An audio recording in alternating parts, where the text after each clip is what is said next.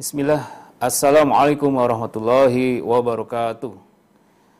Alhamdulillah wassalatu wassalamu ala Rasulillah wa ala alihi wa ashabihi wa man tabi'ahum bi ihsanin ila yaumiddin. Alhamdulillah jamaah kaum muslimin rahimanillah wa iyyakum. Kembali kita hadir di dalam satu kajian yang insya Allah pada pagi hari ini, hari Senin tanggal 23 Zulhijjah 1442 Hijriah, bertepatan dengan tanggal 2 Agustus 2021 Masehi. Pada kesempatan pagi ini, kita akan membahas sebuah tema kajian membuka relung hati yang diambil dari kitab Sohidul Khotir yang akan disampaikan bersama Al Ustadz Zainal Abidin LCMM Hafidahullah. Para pemirsa, sebelum dimulai kajian, bagi yang belum subscribe, silahkan di subscribe di channel ini dan bisa juga untuk berbagi, share kepada saudara kita yang lain.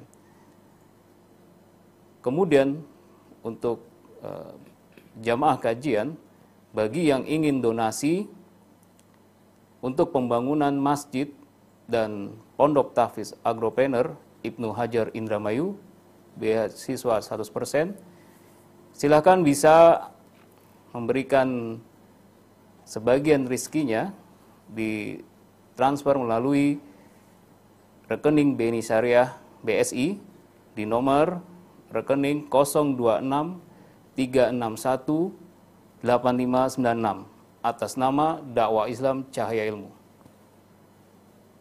Kemudian para pemirsa juga dapat memberikan dukungan untuk dakwah sunnah peradaban Nusantara di rekening virtual account BNI Syariah BSI 9881 6442 0001 0001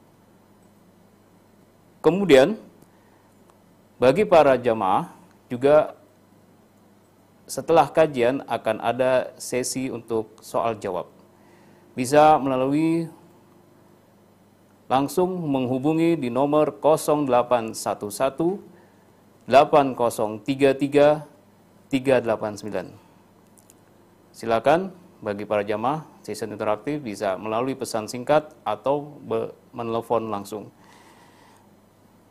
Untuk selanjutnya, marilah kita uh, ikuti kajian kepada Al Ustadz Zainal Abidin LCMM falyatafaddal mashkuro.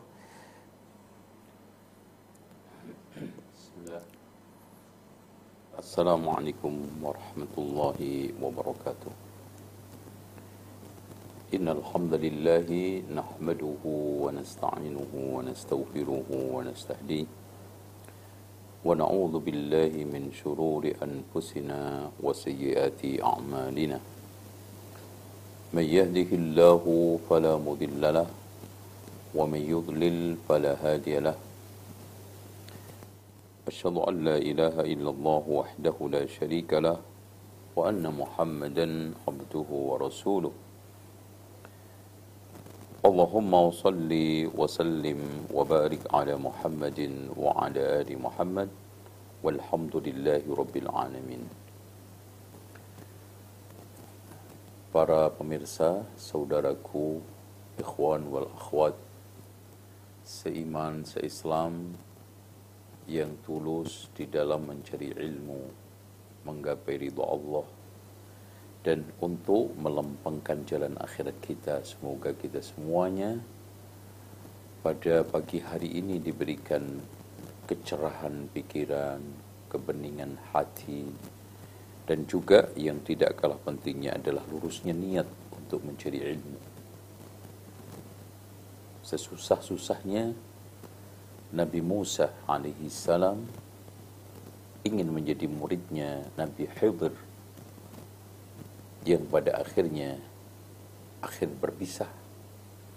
Tetapi Nabi Musa alaihissalam berusaha untuk membeningkan hati, menenangkan pikiran, dan juga meluruskan niat untuk bisa menimba hikmah dari Khidir alaihissalam. Taib. Pada kesempatan kali ini kita mengambil tema membuka relung hati. Rahasia seluruh kehidupan manusia secara pribadi itu ada di dalam jantung hatinya. Itulah anggota tubuh yang menentukan kebaikan, keburukan, nasib dunia akhirat surga nerakanya. Itu semuanya berpangkal dari jantung hatinya. Bila hati itu tersentuh kebenaran dan kebaikan, maka dia akan mendorong seluruh anggota tubuh untuk mengegulkan bola kebenaran ke dalam gawangnya. Tapi kalau sekarang yang masuk ke dalamnya adalah dorongan kebatilan, syubhat, syahwat, dan bahkan pelanggaran penyimpangan, maka dia akan terdorong seluruhnya menuju kepada kebejatan, keonaran, kesengsaraan, dan pada akhirnya su'ul khatimah. Itulah yang dikatakan oleh Rasulullah sallallahu alaihi wasallam. Ala inna fil jasadi lamudghah. Sesungguhnya di dalam jasad manusia itu ada mudghah, sekumpal darah. Idza saluhat saluhal jasadu kulluh. Kalau lurus, baik, maka seluruh anggota tubuh akan baik. Wa idza fasadat fasadal jasadu kullu kalau rusak rusak semua ala wahyil qalb ketahuilah hati makanya Imam Ibnu Qayyim mengatakan sumber kehancuran kehidupan manusia itu menyanyiakan dua hal menyanyiakan hati dan menyanyiakan waktu menyanyiakan hati akan membuahkan sikap lalai menyanyiakan waktu akan mendorong untuk mengikuti hawa nafsu. Dan akhirnya dia akan memetik hasil seperti yang dikatakan oleh Allah. ولا تطع من أغفلنا قلبه عن ذكرنا واتبع هواه وكان أمره فرطا ما شاء الله Jangan kau mentaati seorang yang saya lalaikan hatinya mengikuti hawa nafsu karena nyanyiakan waktu. Maka akhirnya urusannya menjadi berantakan. Taib. Dengan demikian, relung hati kita, jantung hati kita paling terdalam ini harus kita sering sentuh. Karena paparan-paparan virus baik itu syubhat dan syahwat itu hampir setiap hari. Dan kita tidak tahu kapan lemahnya hati. Tapi secara umum, kata para ulama, asyubhatu khattafatun. Syubhat itu amat menyambar. Wal kulubu dha'ifatun. Hati itu lemah. Di hadapan syubhat ya. Ya. Sehingga hati itu bisa sehat tapi kalau terpapar terus ya seperti badan kita terpapar virus corona ya sakit bahkan bisa mati. Maka hati itu ada yang sehat, ada yang sakit, ada yang mati.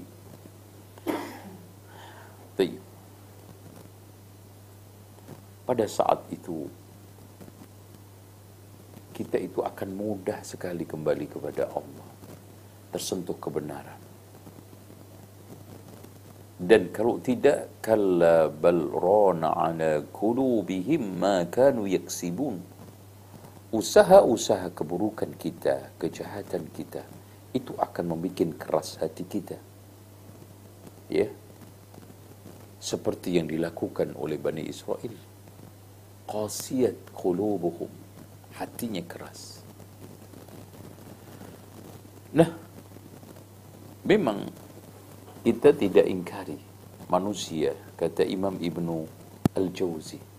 Di sini khatar li khatirun pernah terbesit di dalam pikiran benak saya. Wal majlisu qad taba. Ya. Majlis ilmu yang dia adakan itu telah makmur masya Allah dan betul Imam Ibnul Jauzi bukan sombong tapi mengungkapkan sesuatu apa adanya. Majlisnya itu hampir lebih 100 ribu, 200 ribu orang mengikutinya. Subhanallah. Wal qulubu qad hadarat. Hati itu Masya Allah. Kalau sudah di majlisnya Imam Imam Ibnu Jauzi terketuk.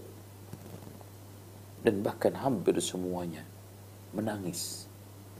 Makanya dikatakan wal uyunu jariyatun. Hampir seluruh majlis meneteskan air mata.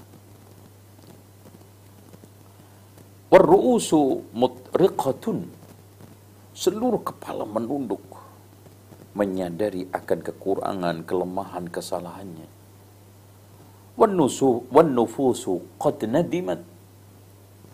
Ya, jiwa hadir penuh dengan penyesalan ala tafritiha akan keteledoran selama ini والعزائم قد نهضت لإصلاح شؤونها semua telah bertekad bulat untuk memperbaiki dirinya untuk bertobat kembali kepada Allah Subhanahu wa taala di majlis itu wa alsinatul lawm ya lisan-lisan penyesalan ta'malu fil batil mengungkapkan kebatilannya kesalahannya ala ta'tadyi'il hazm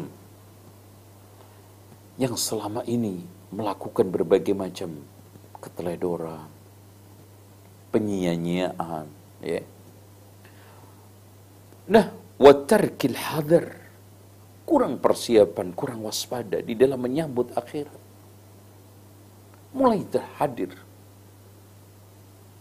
ya, di antara mereka selama ini menyesali tidak mengumpulkan bekal akhirat. Ada yang takut kepada su'ul khatimah. Ada yang selama ini merasa tidak memiliki bekal apa-apa. Fakultu li nafsi. Pada saat itu saya mengatakan ke dalam diri saya sendiri. Ma balu hadhil yaqdah la tadum. Tapi kenapa kesadaran tersebut tidak abadi? Bahkan ini bukan hanya dialami oleh uh, majlisnya Imam Ibnul Jauzi. Bahkan dialami oleh seluruh majlis para ulama termasuk majlis ilmu sekarang. Kita temukan tangis air mata berderai ya. Bahkan di antara mereka meraung-raung menyadari kesalahannya kekurangannya ya Bahkan di antara mereka merunduk dari mulai awal sampai akhir majlis. Tapi setelah keluar dari majlis, kembali korupsi lagi. Kembali ghibah lagi. Kembali menipu lagi, kembali bohong lagi, kembali melakukan berbagai macam aktivitas yang selama ini seakan-akan tidak pernah tersentuh dengan kebaikan-kebaikan majlis ilmu. Kenapa ini semuanya? Fa inni aran nafsa wal yaqdada fil majlis mutasadiqaini saya merasa melihat ya jiwa dan kesadaran itu di majlis Masya Allah itu kayak-kayak kawin. Dan sedang akrab sedang satu soft fa idza qumna min hadhihi turba. Ketika kami berdiri dari majlis ya turba di situ di mana majlis ilmu Ibnu Jauzi diadakan. Waqa'atil ghurbah, maka langsung muncul keterasingan dari sikap-sikap mereka. Kenapa? Menipu lagi, kenapa ghibah lagi, kenapa bohong lagi, kenapa nggak jujur lagi.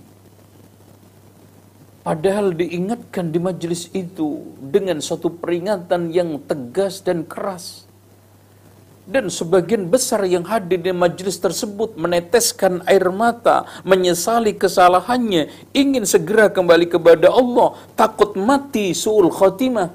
Tapi setelah keluar dari majelis, فَإِذَا قُمْنَا عَنْ هَذِهِ الْتُرْبَةِ وَقَعَتِ الْغُرْبَةِ kata Imam Ibnu Jauzi Masya Allah satu kalimat ungkapan yang indah simple ya penuh dengan sastra yang indah.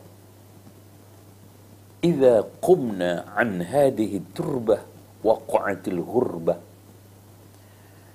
Ketika kami beranjak untuk bangkit dari majlis ilmu ini langsung melihat berbagai macam keterasingan merasa berbagai macam gurbah kenapa murid-murid saya yang ada di majlis ribuan ini ketika saat ada di majlis menangis bertaubat menyesal ya.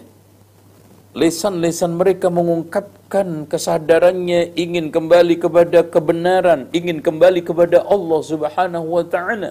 Takut nanti suul khatimah takut kembali kepada Allah tidak membawa bekal takut nanti menghadap Allah Subhanahu wa taala akhirnya dia masukkan ke dalam neraka. Tapi begitulah. Fata'ammaltu dzalika kata beliau ya. Setelah saya renungkan ya wallahu alam ya.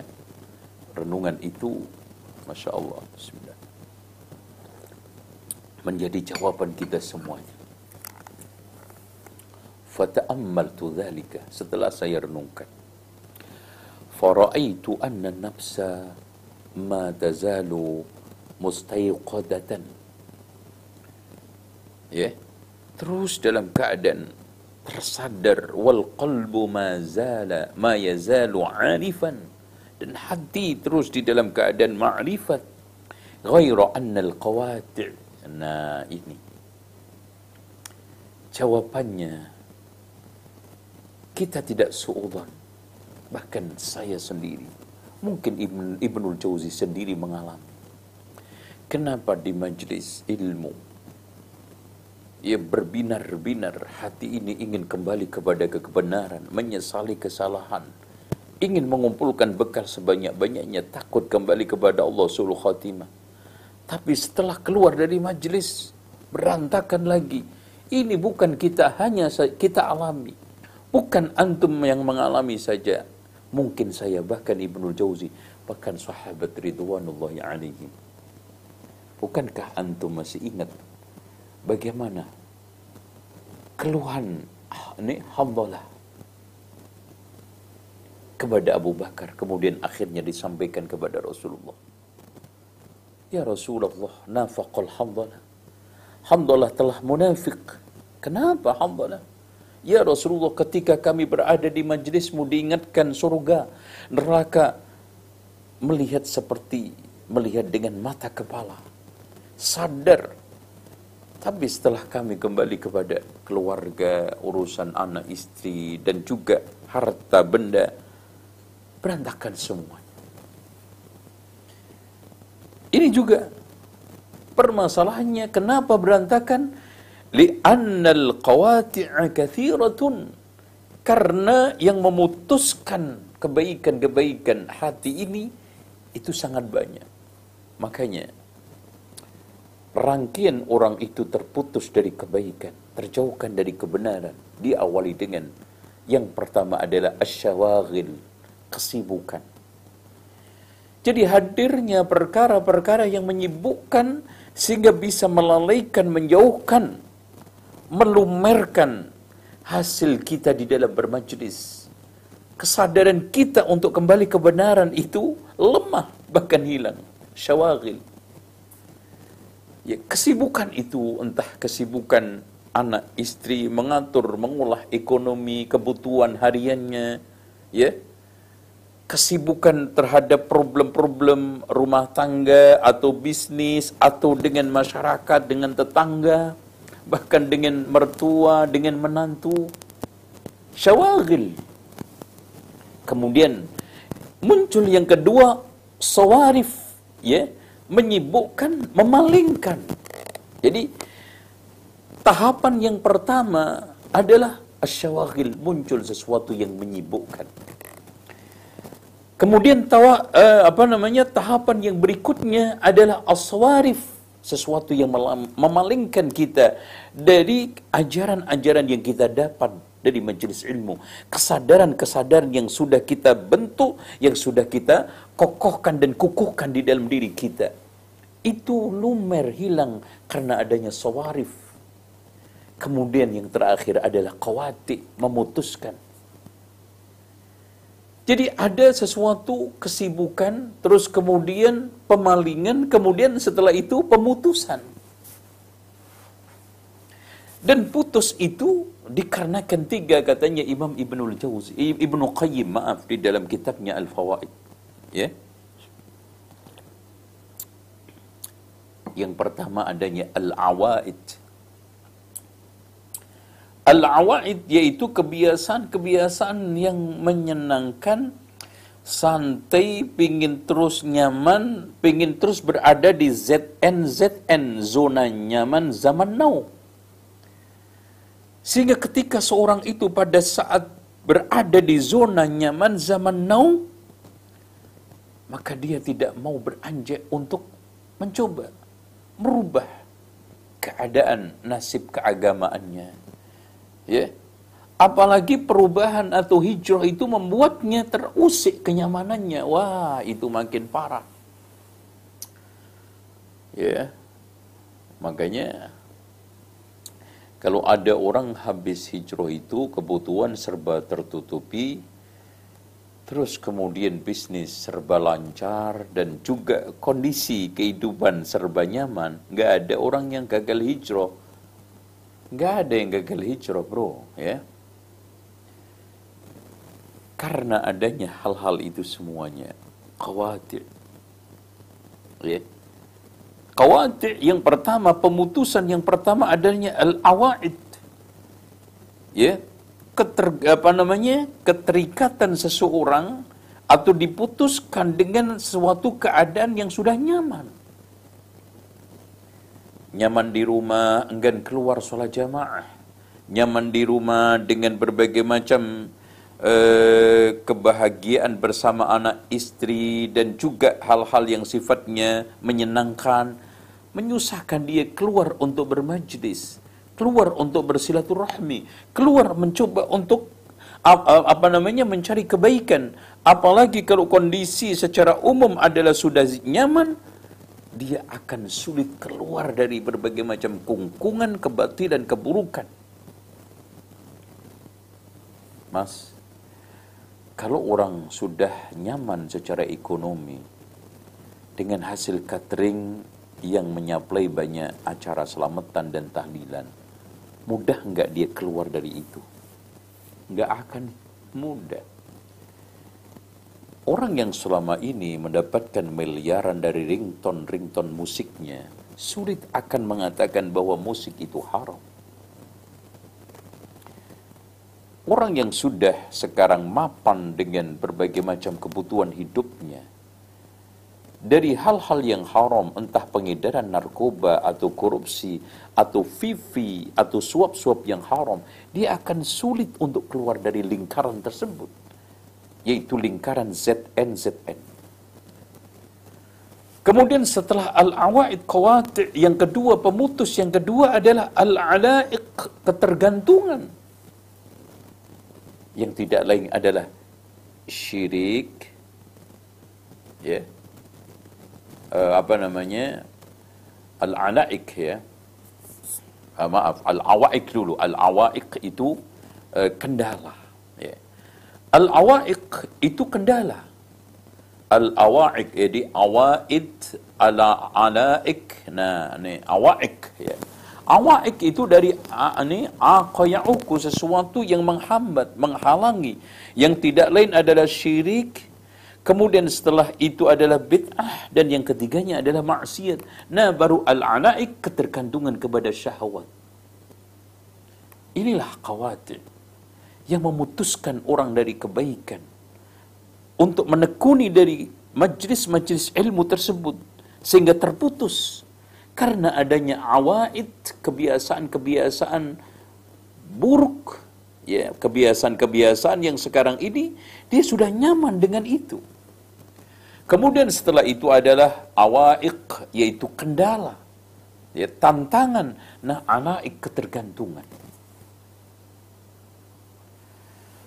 Jadi inilah sehingga jawabannya bisa kita sudah dapatkan kenapa terjadi dan dialami oleh hambalah dan Abu Bakar juga membenarkan.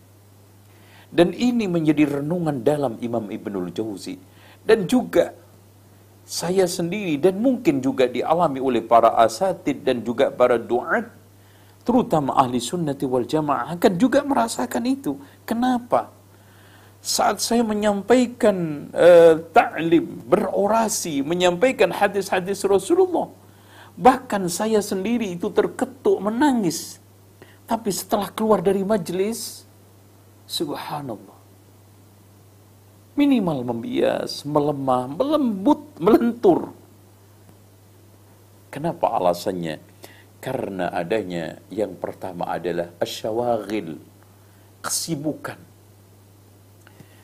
Kemudian setelah perkara-perkara itu menyibukkan, maka tahapan kedua kalau kita tidak kendalikan, maka muncul as-sawarif. Sesuatu yang memalingkan. Kalau sesuatu yang memalingkan ini kita tidak manage dengan baik, kita tidak kelola dengan baik, maka akan muncul al-qawati. Sesuatu yang memutuskan secara total jadi seakan-akan subhanallah nasihat tersebut tidak ada bekasnya sama sekali, nggak nempel. Ya. Tangisan yang dialami selama di majelis, ya. penyesalan yang selama ini ia rasakan di majelis itu sama sekali tidak ada bekasnya. Dan bahkan tidak umur bulanan, jangankan bulanan, jangankan mingguan, hari, hitungan hari, bahkan jangankan harian, keluar dari pintu masjid, keluar dari majlis itu langsung semuanya berantakan. Alasannya apa? Karena adanya syawagil. Sesuatu yang menyibukkan. Padahal belum ada kesibukan karena pikiran ketika keluar dari majlis, pintu masjid itu sudah Masya Allah. Waduh ini utang belum kebayar.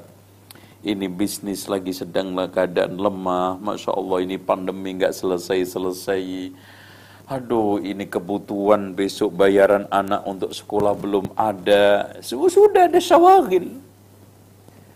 Nah, syawagil itu akan berlanjut kepada sawarif. Ya, sesuatu yang memalingkan.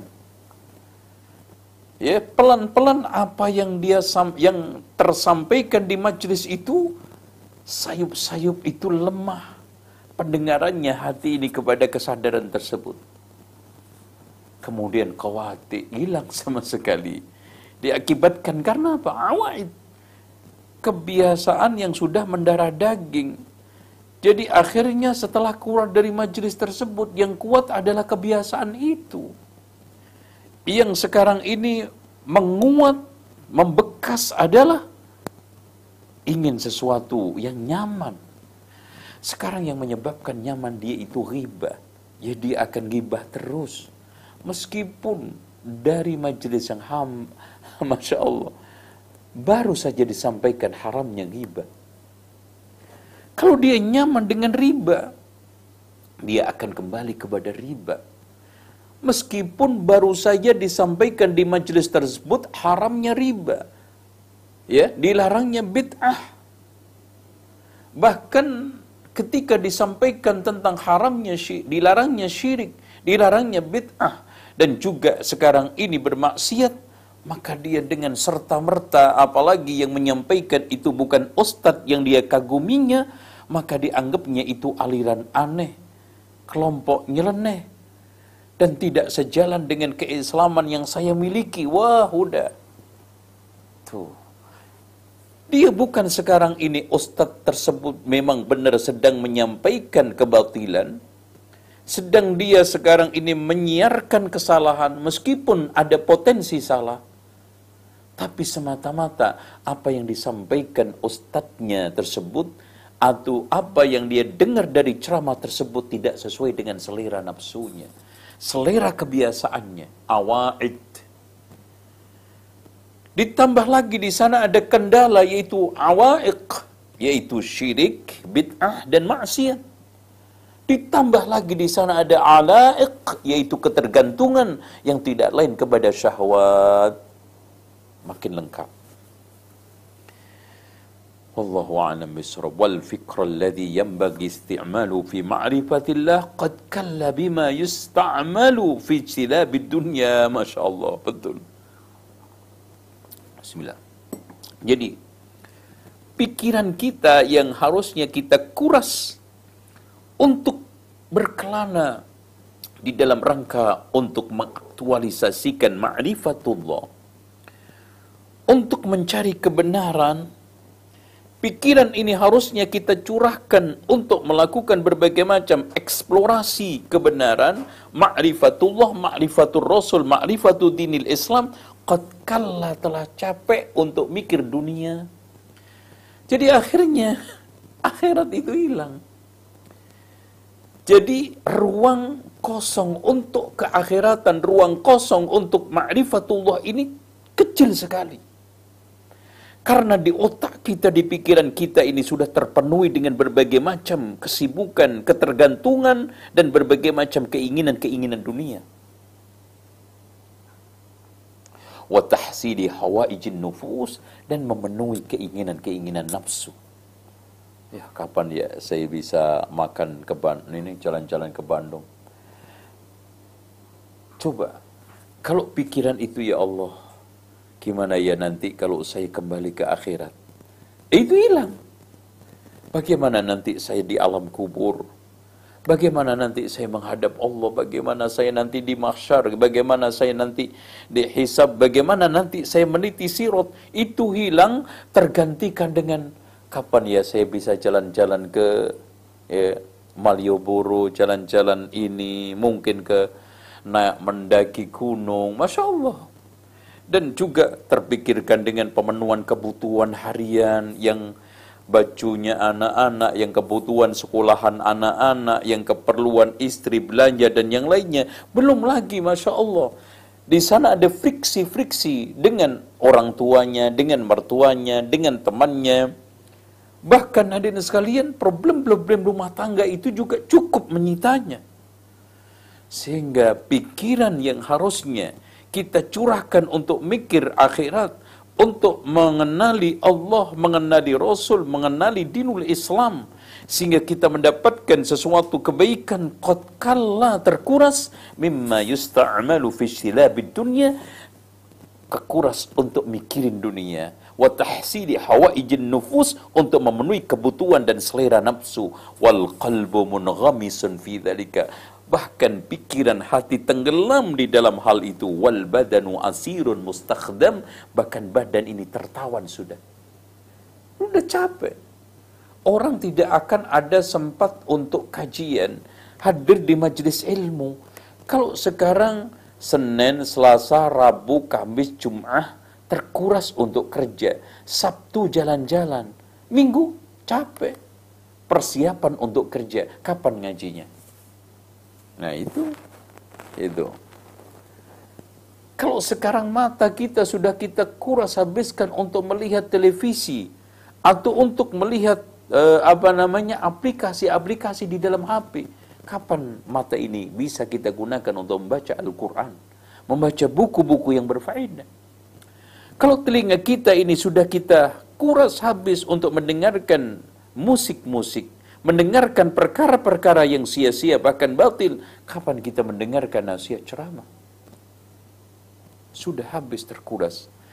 Bahkan sekarang ini Masya Allah, tubuh kita ini sudah menjadi tawanan teknologi. Ketergantungan kita kepada televisi, kepada gadget, kepada uh, eh, ITC dan yang lainnya. Sudah tidak bisa kita. Bahkan eh, sekularisasi itu eh, maaf modernisasi itu membentuk manusia untuk menerima sesuatu yang dia tidak butuh. Ya. Untuk menerima sesuatu yang sebetulnya tidak manfaat di dalam kehidupan dia. Ya contoh aja sekarang anak-anak remaja sudah megang HP secara signifikan kebutuhan manfaatnya untuk kepentingan agama juga kurang signifikan. Untuk mendekatkan diri kepada Allah ya gitu-gitu saja. Ya Alhamdulillah untuk saat ini masih mending untuk daring. Tetapi di dalam kondisi-kondisi tertentu kita sering lebih banyak terbudakkan oleh hal tersebut. Asirun menjadi tawanan. Kita menjadi tawan makanan, minuman, kita menjadi tawanan pakaian, fashion kita, kita menjadi tawanan uh, apa namanya syahwat kesenangan kita, kita menjadi tawanan apa namanya keinginan-keinginan kita yang muluk-muluk ya. Ya menjadi tawanan kebutuhan dan ornamen uh, apa uh, aksesoris uh, rumah ya. Kita menjadi tawanan rumah mewah mobil mewah dan yang ini ya semuanya tertawan akhirnya semua tercurahkan untuk kepentingan-kepentingan dunia. Akhiratnya hilang.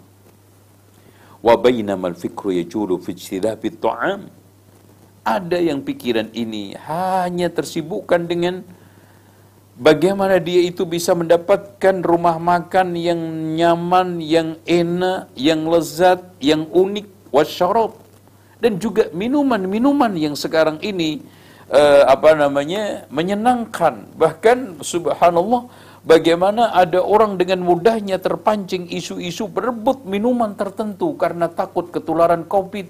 Karena itu bisa menyehatkan badan, bisa memberikan imunisasi kepada virus tersebut. Berebut.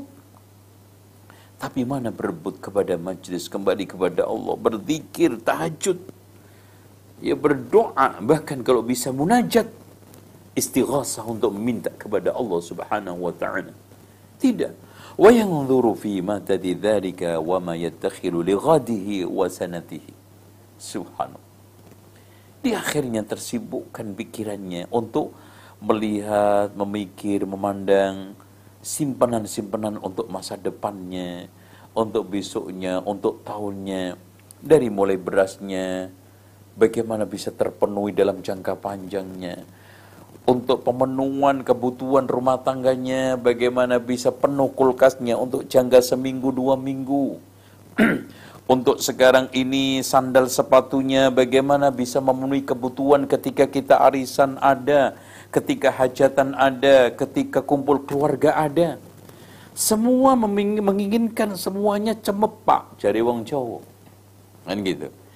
Akhirnya ihtamma bi khurujil hadas dengan sekarang ini perutnya terpenuhi dengan berbagai macam minuman yang berwarna-warni, maka akhirnya juga apa? Repot sendiri. Kenapa? Repot buang hajat, ya, repot untuk berobat karena kolesterolnya meningkat, trigliseridnya meningkat, ya, asam uratnya bertambah.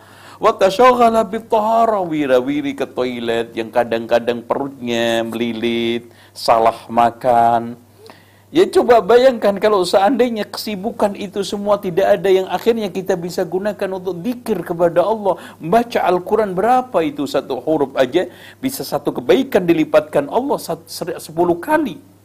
Thumma tamma bi khurujil. Kemudian belum lagi nanti pengaruh makanan itu kan akan meningkatkan uh, apa namanya uh, mani dan juga akan kerepotan bagaimana mengeluarkannya. Fahtaja ila nikah. Sehingga dia mikir pusing untuk menikah ya. Fa'alima annahu la yasihhu illa biktisabi kasbid dunya. Akhirnya mau nggak mau konsekuensi nikah memenuhi suatu hak kewajibannya dia harus usaha. Apalagi kalau sudah punya anak fatafakkara fi dzalika wa amila bimaqtadaha. Akhirnya apa? Dia disibukkan lagi untuk mengumpulkan perangkat-perangkat pernikahan. Dari mulai maharnya, kemudian serahannya, dan biaya walimahnya, pembayaran cateringnya, dan dekornya. Thumma ja'al walad. Kemudian ketika anak itu mulai lahir, fahtamma bihi walahu. Disibukkan dengannya dan juga untuknya maksudnya ya kadang-kadang suka juga sibuk, nggak suka juga sibuk. Repot. Makanya punya anak itu banyak susahnya daripada senangnya. Tapi memang kebanyakan orang itu senang disusahi anak. Makanya Allah katakan fa'namu annama annama amwalakum wa aulad annama amwalukum wa auladukum fitnah. Sesungguhnya ah, hartamu anakmu itu fitnah. Dan fitnahnya kata Rasulullah al-waladu mabkhalatun majbanatun maftanatun mahzanatun. Itu anak. Anak itu bikin pengecut orang tua, bikin bakhil orang tua, majhalatun bikin bodoh orang tua, maftanatun bikin fitnah orang tua, mahzanatun bikin sedih orang tua. Tuh. Makanya kalau kita lihat orang itu kalau betul-betul tidak ada azam akan terjebak dalam turul amal wa taswib. Panjang angan-angan dan suka menunda-nunda. Kenapa? Katanya dulu zaman kuliah, ya Allah, ya Rabbi, kalau seandainya udah selesai kuliah, skripsi tuntas, nyaman, enak, kayaknya hidup lempeng, ya Allah, ngaji sholat itu kayaknya khusyuk, fokus, konsen. Ternyata setelah selesai kuliah, apakah hilang pusingnya? Nambah pusing.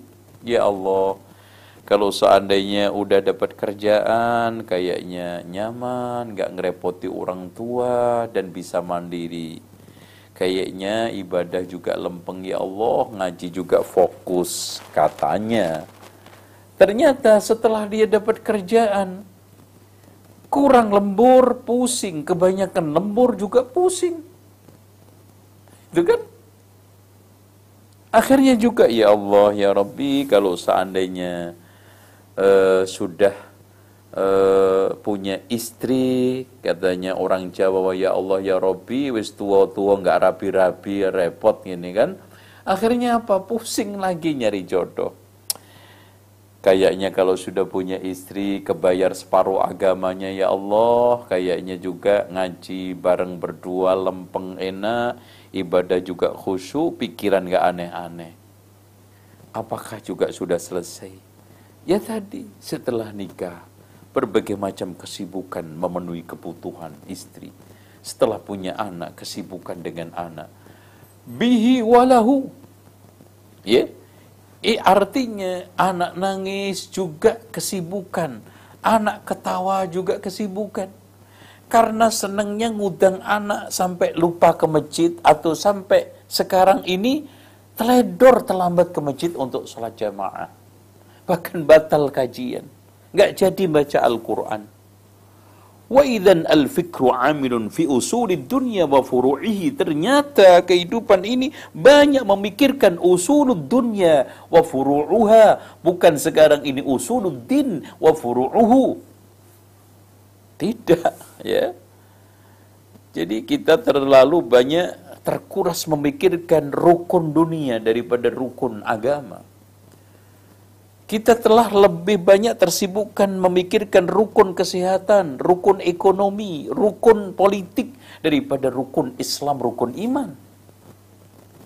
فَإِذَا حَضَرَ الْإِنسَانُ الْمَجْلِسِ فَإِنَّهُ لَا يَحْضُرُ جَعِيًا وَلَا حَقِنًا Kalau dia hadir di majlis, ya, tidak hadir dalam keadaan lapar dan juga tidak dalam keadaan menahan eh, apa namanya kencing kan?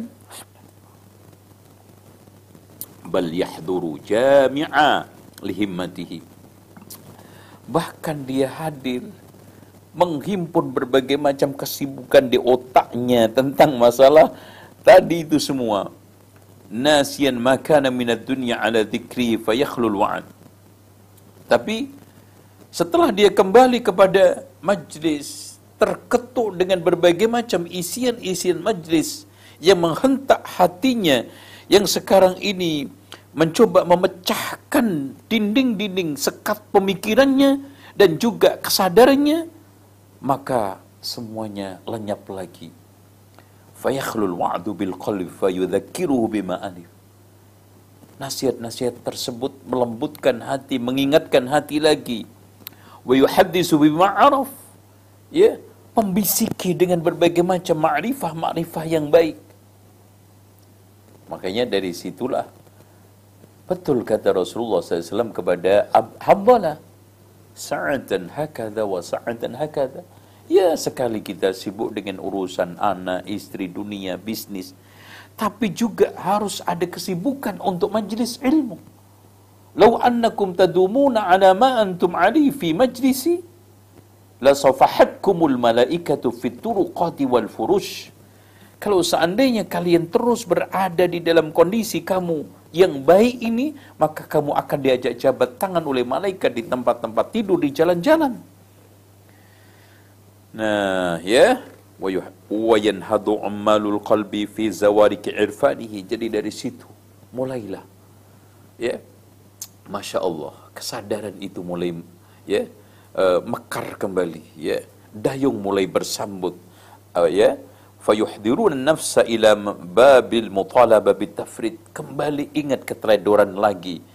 wa yu'akhiduna al-hissa bima madha min al-uyub dan kembali teringat berbagai macam kesalahan-kesalahan yang ada. Selama ini di luar majlis fatajri uyunan nadam kembali lagi meneteskan air mata penyesalan. Wa tan'aqidu azaimul istidrak. Dan ingin mencoba untuk menutupi kembali menyempurnakan kembali. Dan ingat akan akhirat serta bekal-bekal akhirat. Walau anna hadhihi nafsa khalat anil ma'hudati allati wasaftuha la tashaghalat bi khidmati bari'iha. Subhanallah betul kata Imam Ibnu Jauzi.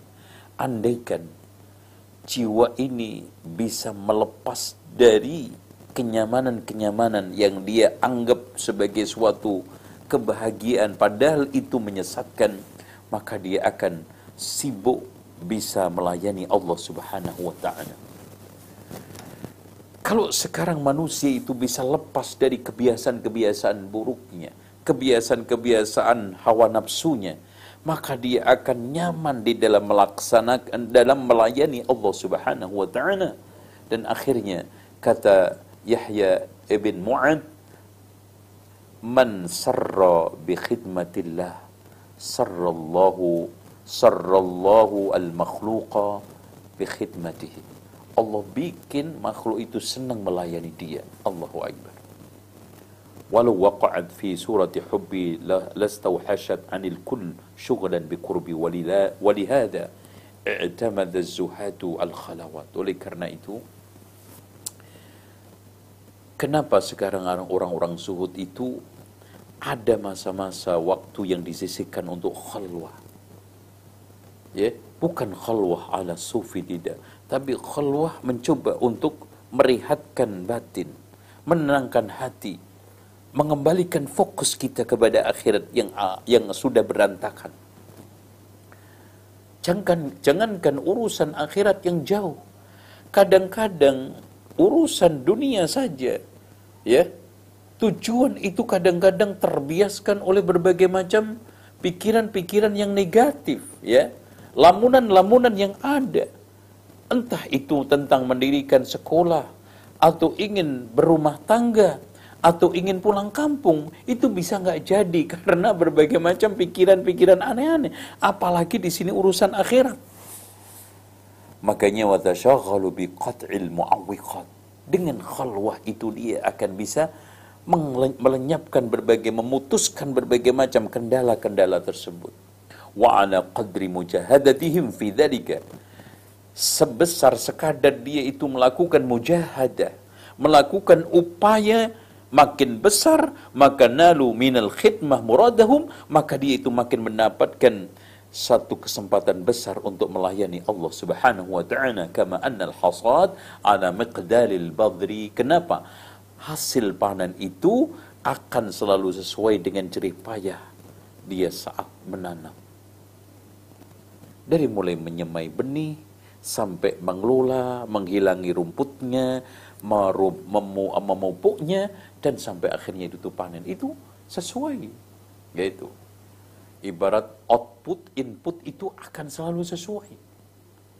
Kalau sekarang inputnya itu bagus, pengelolaannya, proses juga bagus, maka outputnya juga akan bagus. Itu nggak urusan dunia, nggak urusan usaha Bahkan termasuk urusan yang paling terdepan adalah urusan akhirat kita. Tapi begitulah ghairu anni mahtu fi hadhil halah daqiqatan. Tapi terbersih juga di dalam hati saya kata Imam Ibnul Jauzi. Bahwa anna nafsa law damat lahal yaqdah kalau orang itu terus istiqomah berada di dalam kelurusannya, kebaikannya, kesadarannya, la waqa'at fi ma huwa syarrun min fauti ma fatahu. Dia bisa saja terjatuh ke dalam sesuatu yang lebih buruk dari apa yang kehilangan kebaikan itu. Ya. Memang bagus orang itu dalam keadaan istiqomah. Memang bagus orang itu dalam keadaan baik. Memang bagus dia bisa mengumpulkan berbagai macam keutamaan, kelebihan. Tapi kalau orang itu terus berada di dalam keutamaan, kelebihan dan kebaikan, dia akan terjatuh kepada suatu keburukan lebih buruk daripada sesuatu yang lepas dari kebaikan tersebut yaitu apa? Wahwal ujbu bihaliha dia akan ujub.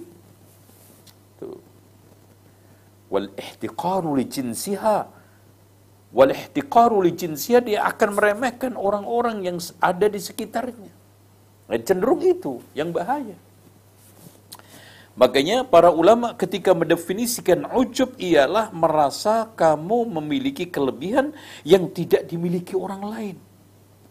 Ini lebih bahaya. Makanya betul, kadang orang bermaksiat. Tapi kemaksiatan itu lebih baik daripada ketaatan dia kepada Allah. Karena apa? Kemaksiatan itu akan mengakhiri hidupnya.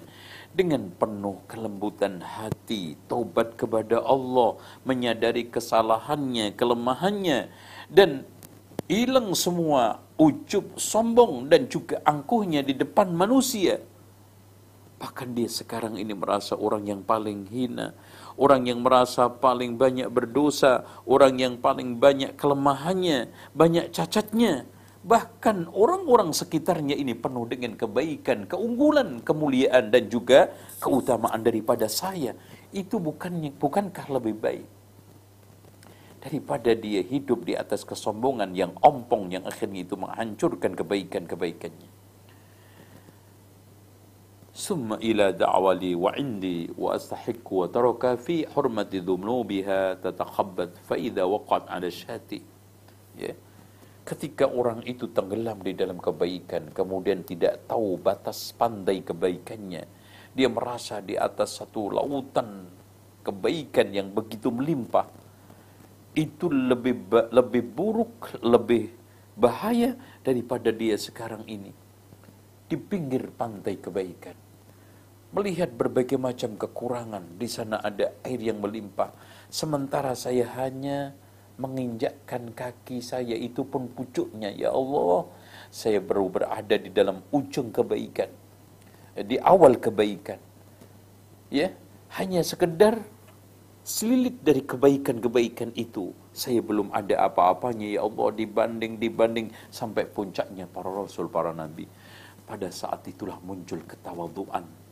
Man tawadhu'a lillahi rafa'ahu Allah pada saat itu hilanglah berbagai macam ujub, angkuh, sombong dan meremehkan, merendahkan orang. Bahkan sebaliknya, dia akan banyak lebih menghina apa merendahkan dirinya, menyalahkan dirinya daripada menyalahkan orang lain. Banyak sekarang ini mengoreksi dirinya daripada mengoreksi orang lain. Dia akan sibuk dengan berbagai macam aib dan salahnya daripada dia sibuk dengan aib dan kesalahan orang lain. Hada hukmul ghalib minal khalqi. Kata Imam Ibn Jauzi. Itu rata-rata dialami oleh manusia. Walidhalika syughilu an hadzal maqam. Faman badara fasalaha lahu fala budda min hafwatin turaqibuha ainul khawfi biha subhanallah. Akhirnya subhanallah ini hikmatul bari. Siapa saja yang sekarang menyemai kebaikan kemudian sudah tampak berbagai macam hasilnya dan juga buahnya. Pada saat itu ada aja celah cacat yang dia yang dia dapatkan. Agar kita tidak sombong maksud Allah agar kita tidak ujub maksud Allah agar kita tidak merasa membusungkan dada dengan karya-karya kita. Itu maksudnya. Jadi dengan berbagai macam kegagalan yang ada dari proyek-proyek yang kita usahakan. Dan ada sekarang ini terplesetnya, gawalnya langkah-langkah kita, itu pada akhirnya adalah kebaikan dan cara Allah untuk menjadikan kita itu lebih baik. Oleh karena itu jangan nyesel, jangan sedih, jangan itu dijadikan sebagai suatu kegagalan dan keburukan segala-galanya. Jangan. Makanya fatasihhu lahu ubudiyatu sehingga betul-betul dia itu hamba Allah, hamba sebagai budak. Budak itu serba kurang, serba cacat, serba tergantung, serba hidupnya itu untuk mengabdi, itu akan muncul. Wa taslamu lahu ibadatahu sehingga ibadah dia itu selamat. Wa ila hadzal ma'na asyara al-hadits sahih law lam tudhnibu la dhahaba Allah bikum wa la jaa biqaumin yudhnibun fayastaghfirullah fayaghfiru lahum atau fayaghfir lahum. Seandainya kalian tidak bisa salah subhanallah. Ini masya Allah. Seandainya jadi seandainya kalian ini makhluk yang tidak pernah bisa salah Allah akan lenyapkan kalian. Allah akan ganti kaum yang bisa salah. Subhanallah. Kemudian dia beristighfar, fayastaghfiruna fayaghfira lahumullahu ta'ala. Allah Subhanahu wa taala akan mengampuni mereka. Dengan demikian saya akan akhiri yang paling penting buat kita semua sekarang. Apa pun bentuk kesibukannya, siapa pun orang yang menyibukkan kita, dan kondisi apa pun sekarang kesibukan itu, kita harus ada, ada harus, harus ada kesempatan dan waktu untuk mendekatkan diri kepada Allah. Untuk mengosongkan waktu demi Allah, untuk Allah. Dengan kita minimal khalwah, mengadakan tafakkur dan riyadhah, latihan. Atau dengar kita majlis ilmu, atau kita dengan membaca Al-Quran sambil merenungkan, atau kita membaca buku bersama faedahnya, atau kita khalwah dengan orang-orang soleh untuk mendapatkan nasihatnya atau minimal kita rehat sejenak untuk menset ulang, menset mindset kita ini tentang pikiran-pikiran kita yang negatif. Insya Allah dengan cara itu kita faida faraghta fansab dan kata Allah kepada hamba sa'atan hakada wa sa'atan hakada dan pada akhirnya kita berdoa dan memohon kepada Allah. Allah mengakhiri kita sedang dalam keadaan sedang puncak-puncaknya melakukan kebaikan. Sedang khusyuk-khusyuknya kita melakukan pengabdian. Sedang dekat-dekatnya pikiran perasaan hati ini kepada Allah itu kita mohon kepada Allah, ya Allah, ambillah aku di dalam keadaan kami sedang puncak-puncaknya bertaubat kepadamu, sedang puncak-puncaknya kembali kepadamu, sedang puncak-puncaknya konsen fokus untuk kebaikan-kebaikan dan mengabdi kepadamu ya Allah. Itu yang kita minta insya Allah. Dengan cara itu, wala tamutunna illa wa antum muslimun. Wallahu a'lam bishawab. Demikian dan insya Allah sekarang kita buka tanya jawab. Tafadhal.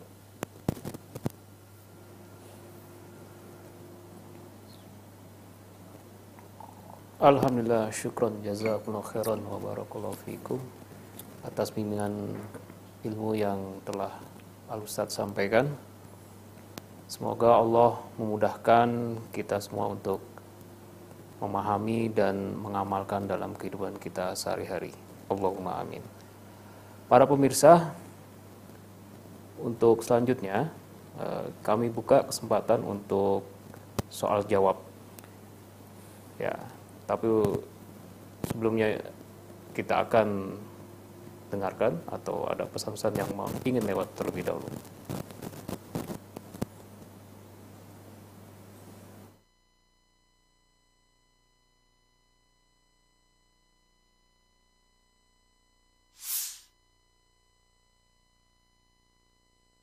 Assalamualaikum warahmatullahi wabarakatuh Bapak Ibu sekalian Pondok pesantren tahfid kita ini kita akan berikan nama tahfid agropreneur. Yang akan kita dirikan di lahan kurang lebih 5000 nah eh, ada lagi kurang lebih 2 hektar setengah. Kita akan merencanakan di sini beberapa rencana eh, bisnis yang menopang pondok pesantren ini. Yang tidak lain adalah di sini ada pertanian. Kemudian di sini ada beberapa lahan e, peternakan ikan ya. Nanti kita akan buat untuk kegiatan mereka insya Allah.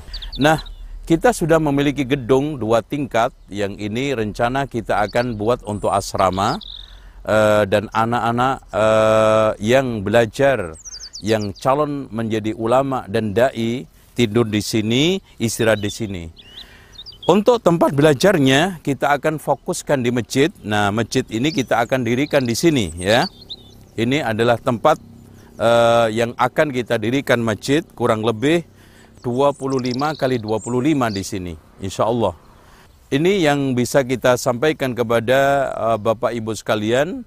Mudah-mudahan dukungan dan juga support serta atensi dari Bapak Ibu sekalian Ahlus Sunnati wal Jamaah akan mensupport, akan menjadikan pondok pesantren ini segera berjalan dan anak-anak didik kita dari seluruh persada Nusantara ini secepatnya bisa mendaftar karena kita sudah buka gelombang pertama dan juga kita sudah mulai sementara di Jakarta. Pendaftarnya sangat beludak dan baru kita buka seminggu saja maka kursinya sudah full. Ini menunjukkan bahwa animo dan juga antusias kaum muslimin, generasi kita yang ingin mempelajari dan menghafalkan Al-Quran, menguasai kitab-kitab yang bahasa Arab itu sangat tinggi sekali. Demikian, mudah-mudahan Bapak Ibu sekalian bisa mendukung, mensupport kami untuk mendirikan, melangsungkan, membangun pondok pesantren tahfidz dan bahasa Arab ini gratis, insya Allah. Demikian, mudah-mudahan manfaat. Assalamualaikum warahmatullahi wabarakatuh.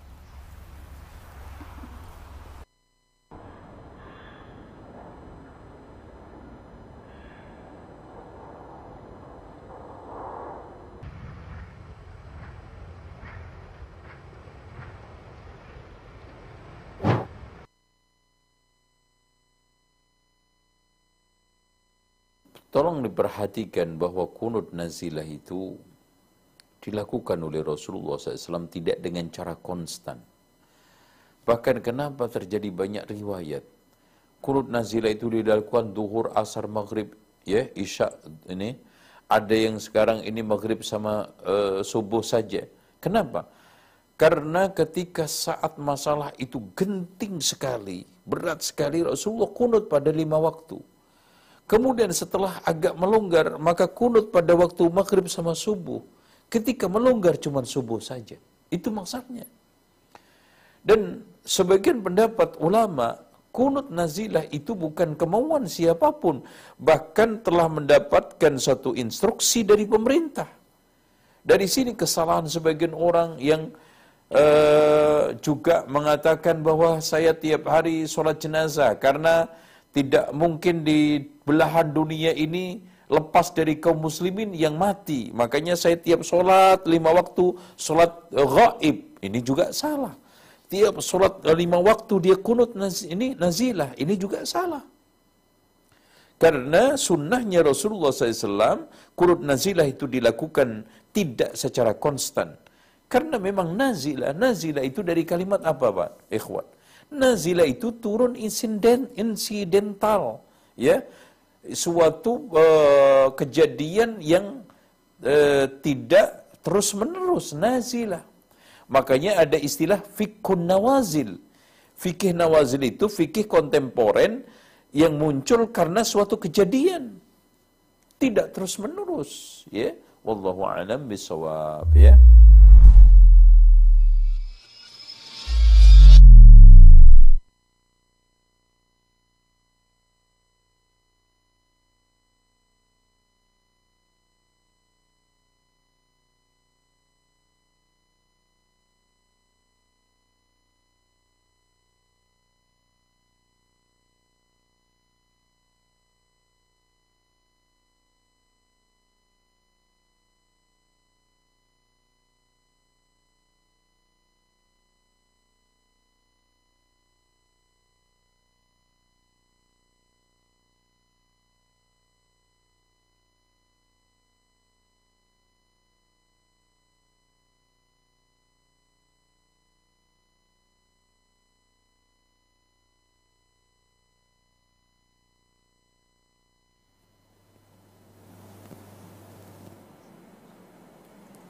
Bismillah.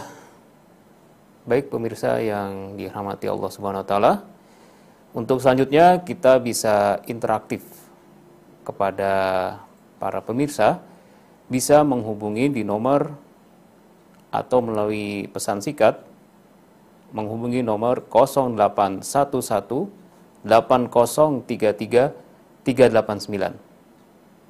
Silakan bagi pemirsa yang ingin bersoal jawab bisa menghubungi langsung atau melalui pesan singkat di nomor 0811 8033 389. Untuk yang pertama, Alhamdulillah sudah ada pesan yang masuk. Assalamualaikum Ustadz, izin bertanya, bagaimana caranya supaya memaksa ibadah ketika kita sedang futur sekali. Silakan Ustaz. Uh, Memang kita tidak mengingkari orang sedang dalam keadaan futur. Itu kehidupan, kenyamanan, dan gairah hidup itu hilang. Bahkan pikiran tidak menentu, perasaan goncang, dan dada rasanya sesak. Sehingga sulit untuk diajak fokus. Nah, pada saat itu antum seret pelan-pelan dengan zikir kepada Allah. Hasbunallah wa ni'mal wakil. La hawla wa la quwata illa billah. Jadi kita tarik dengan ibadah-ibadah yang ringan. Jangan langsung antum menghatamkan surat Al-Baqarah, nggak bakal nyangkut. Jangan langsung antum tahajud, nggak bakal kena. Tapi tarik dengan ibadah-ibadah yang ringan, tetapi berpahala berat, berfaedah besar. Yang berkonsekuensi dalam yaitu apa zikir.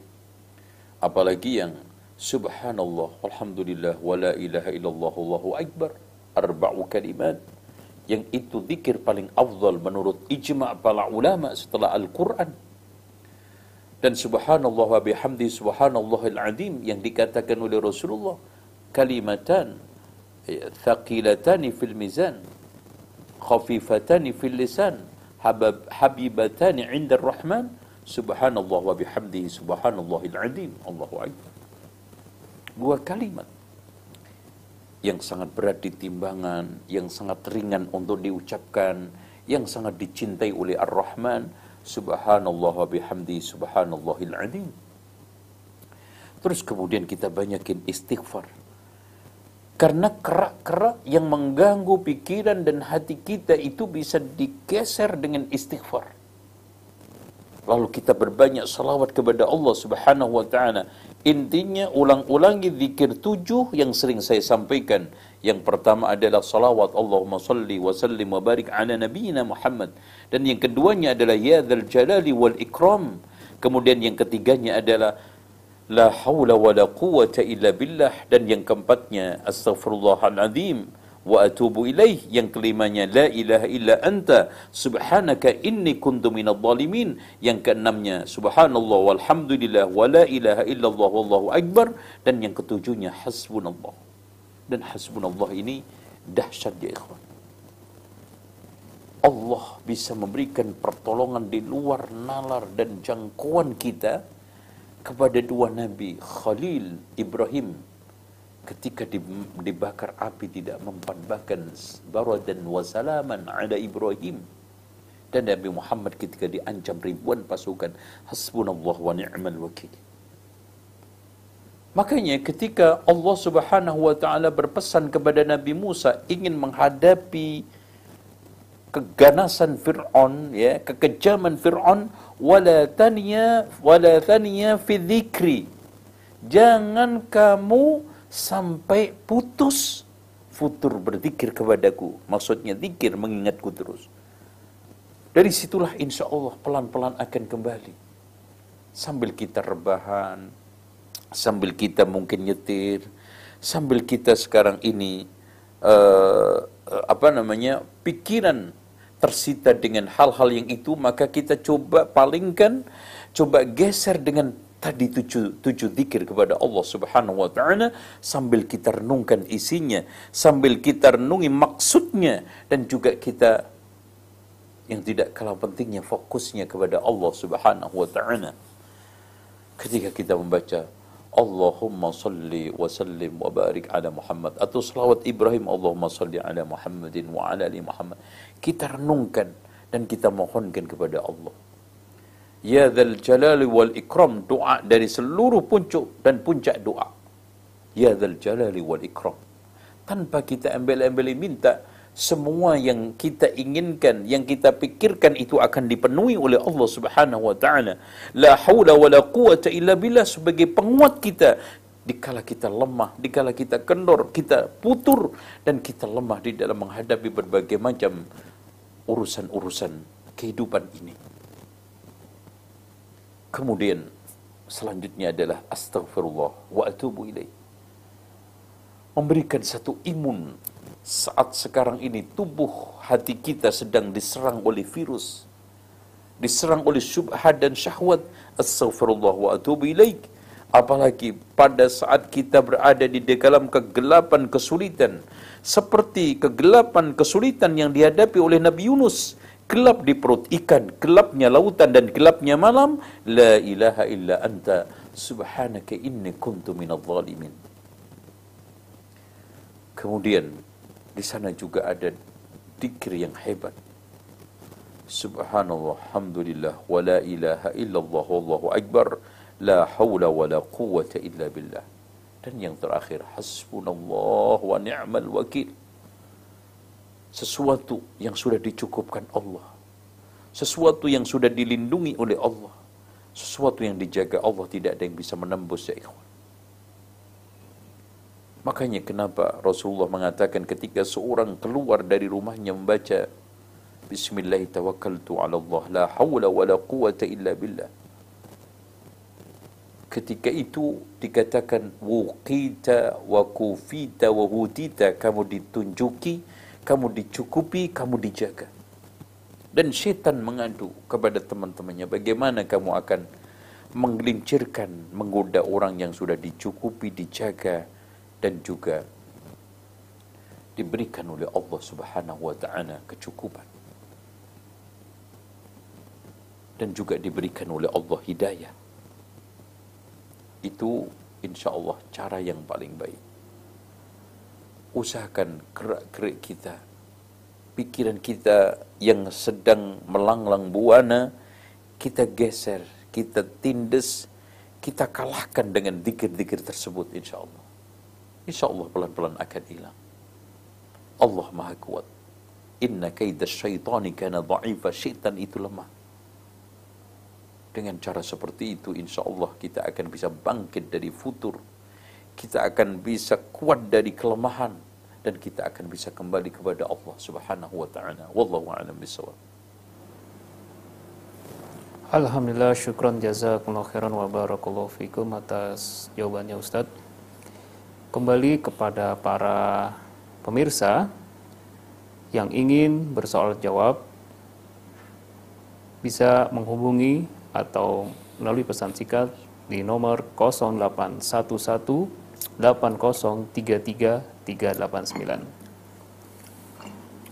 Selanjutnya Ustadz ada pertanyaan kembali. Assalamualaikum Ustadz, mohon nasihat untuk menata hati, hilangkan sedih saat merawat melihat turunnya kondisi orang tua dengan vonis sakit berat hamba Allah di Bandung. Apa? Gimana? Apa? Diulang Ustaz. Eh, mohon nasihat untuk menata hati, Oh. hilangkan sedih saat merawat, melihat turunnya kondisi orang tua yang telah divonis sakit berat. Sip, Ya, cukup. Ustaz. cukup. Baik.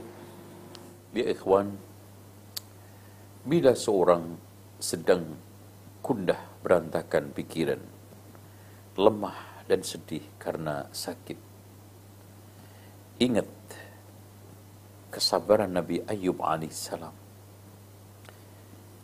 ketika mendapatkan ujian berat bertahun-tahun sampai istrinya jualan rambutnya sampai seluruh kekayaan habis. Kolega hilang, bahkan keluarganya tersisa hanya istrinya. Ya. Di dalam hidup ini kita jangan sampai merasa paling nelangsa. Merasa orang yang paling menderita. Ketahuilah, nawarul fitnati la yaqid ujian tidak akan selamanya membara. Suatu ketika akan redup. Dan suatu ketika akan ada cahaya. Dan janji Allah tidak akan meleset. Inna ma'al usri yusra. Sesungguhnya setiap kesulitan itu akan ada kemudahan. Dan setiap sekarang ini ada kendala-kendala pasti Allah akan hadirnya hadirkan solusi. Wa man yattaqillaha yaj'al lahu makhraja wa yarzuqhu min haitsu la yahtasib. Kuatkan antum dengan membaca Al-Qur'an. Kuatkan antum dengan mendekatkan diri kepada Allah, membaca zikir tadi. Dan setel mindset antum. Perjuangan berat antum ini menghadapi sakitnya orang tua, ujian berat sakitnya, fonisnya orang tua ini, kalau antum sabar mendapatkan pahala dari Allah Subhanahu wa taala. Itu adalah bagian daripada surgamu. Jadi makin dalam ujian antum, makin tinggi tingkatan derajat yang akan diberikan Allah dan itu pasti.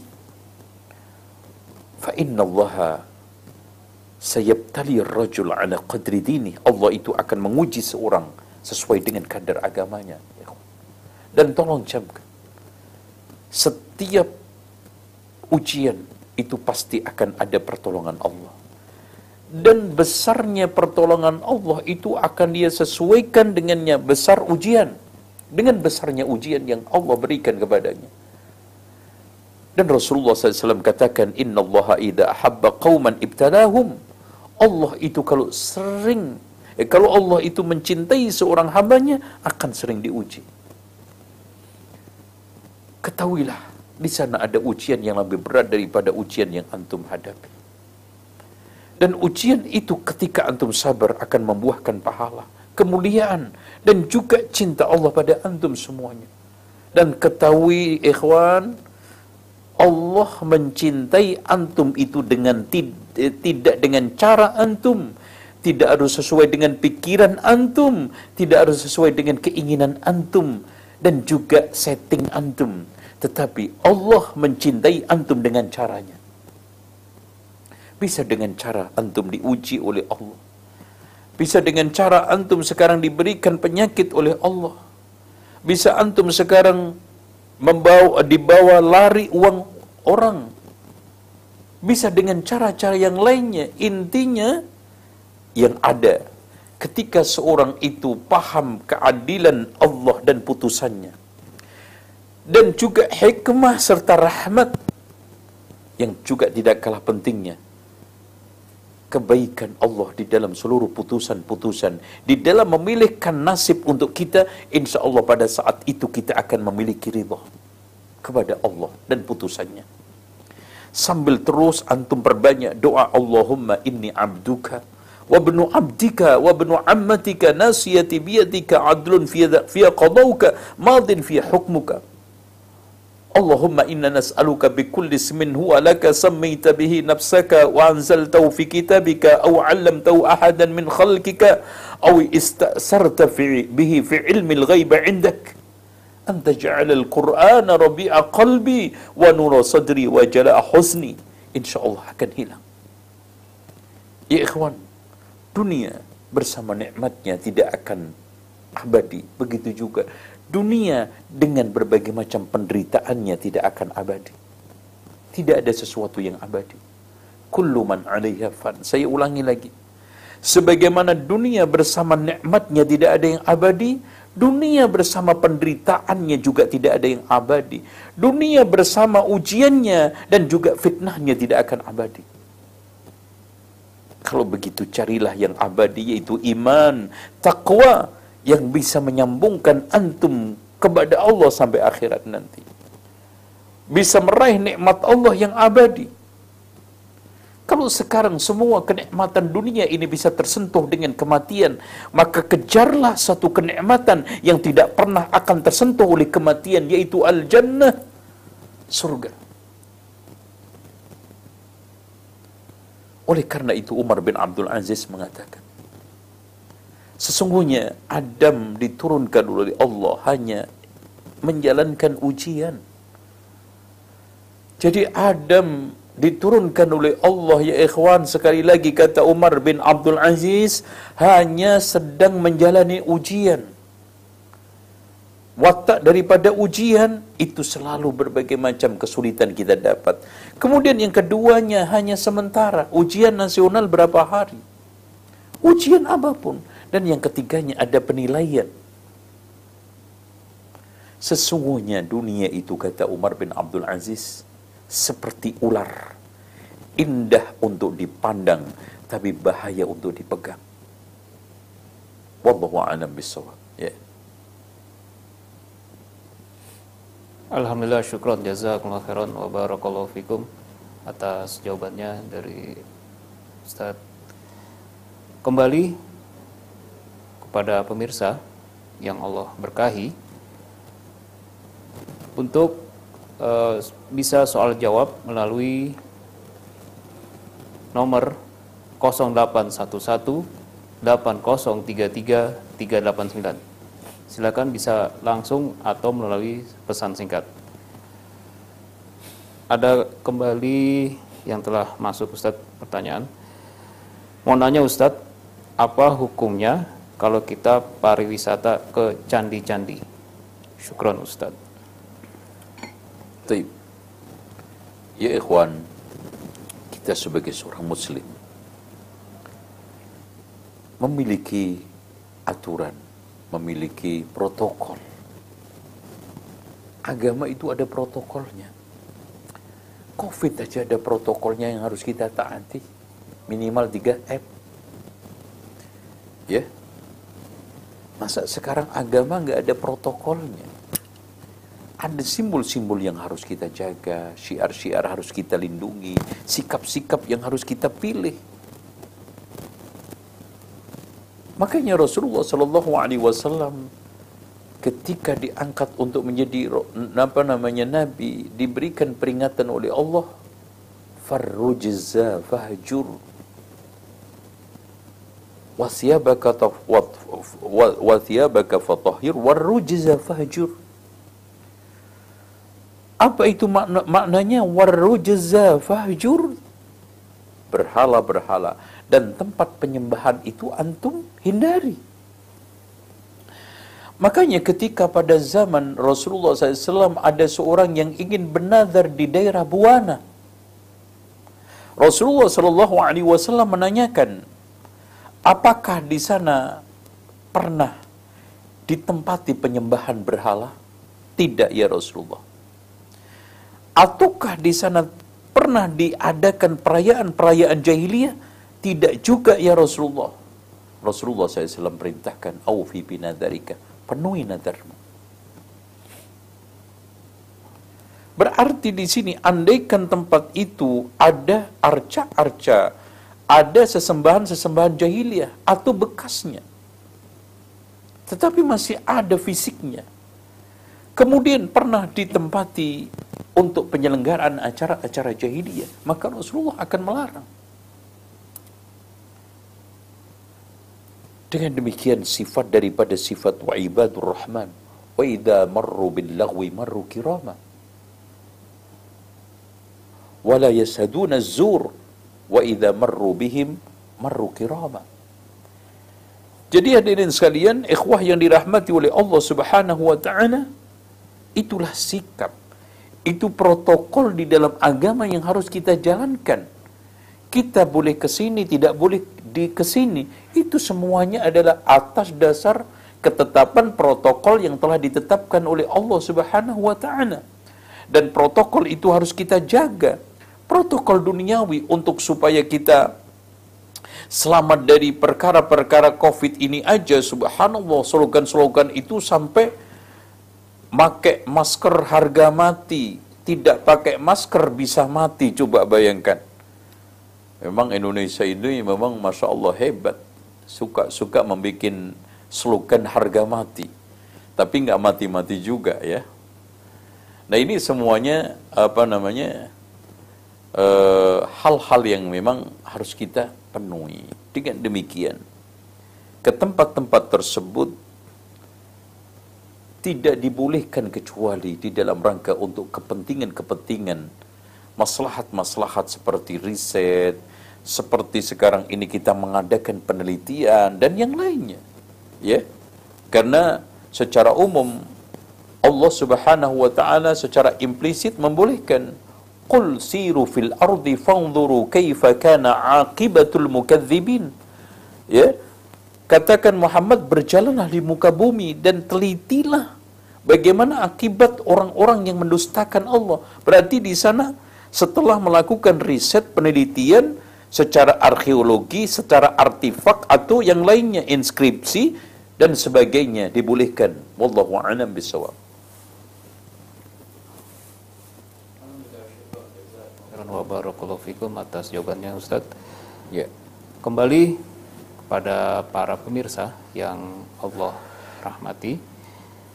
Uh, bisa interaktif langsung atau melalui pesan singkat di nomor 081180333389.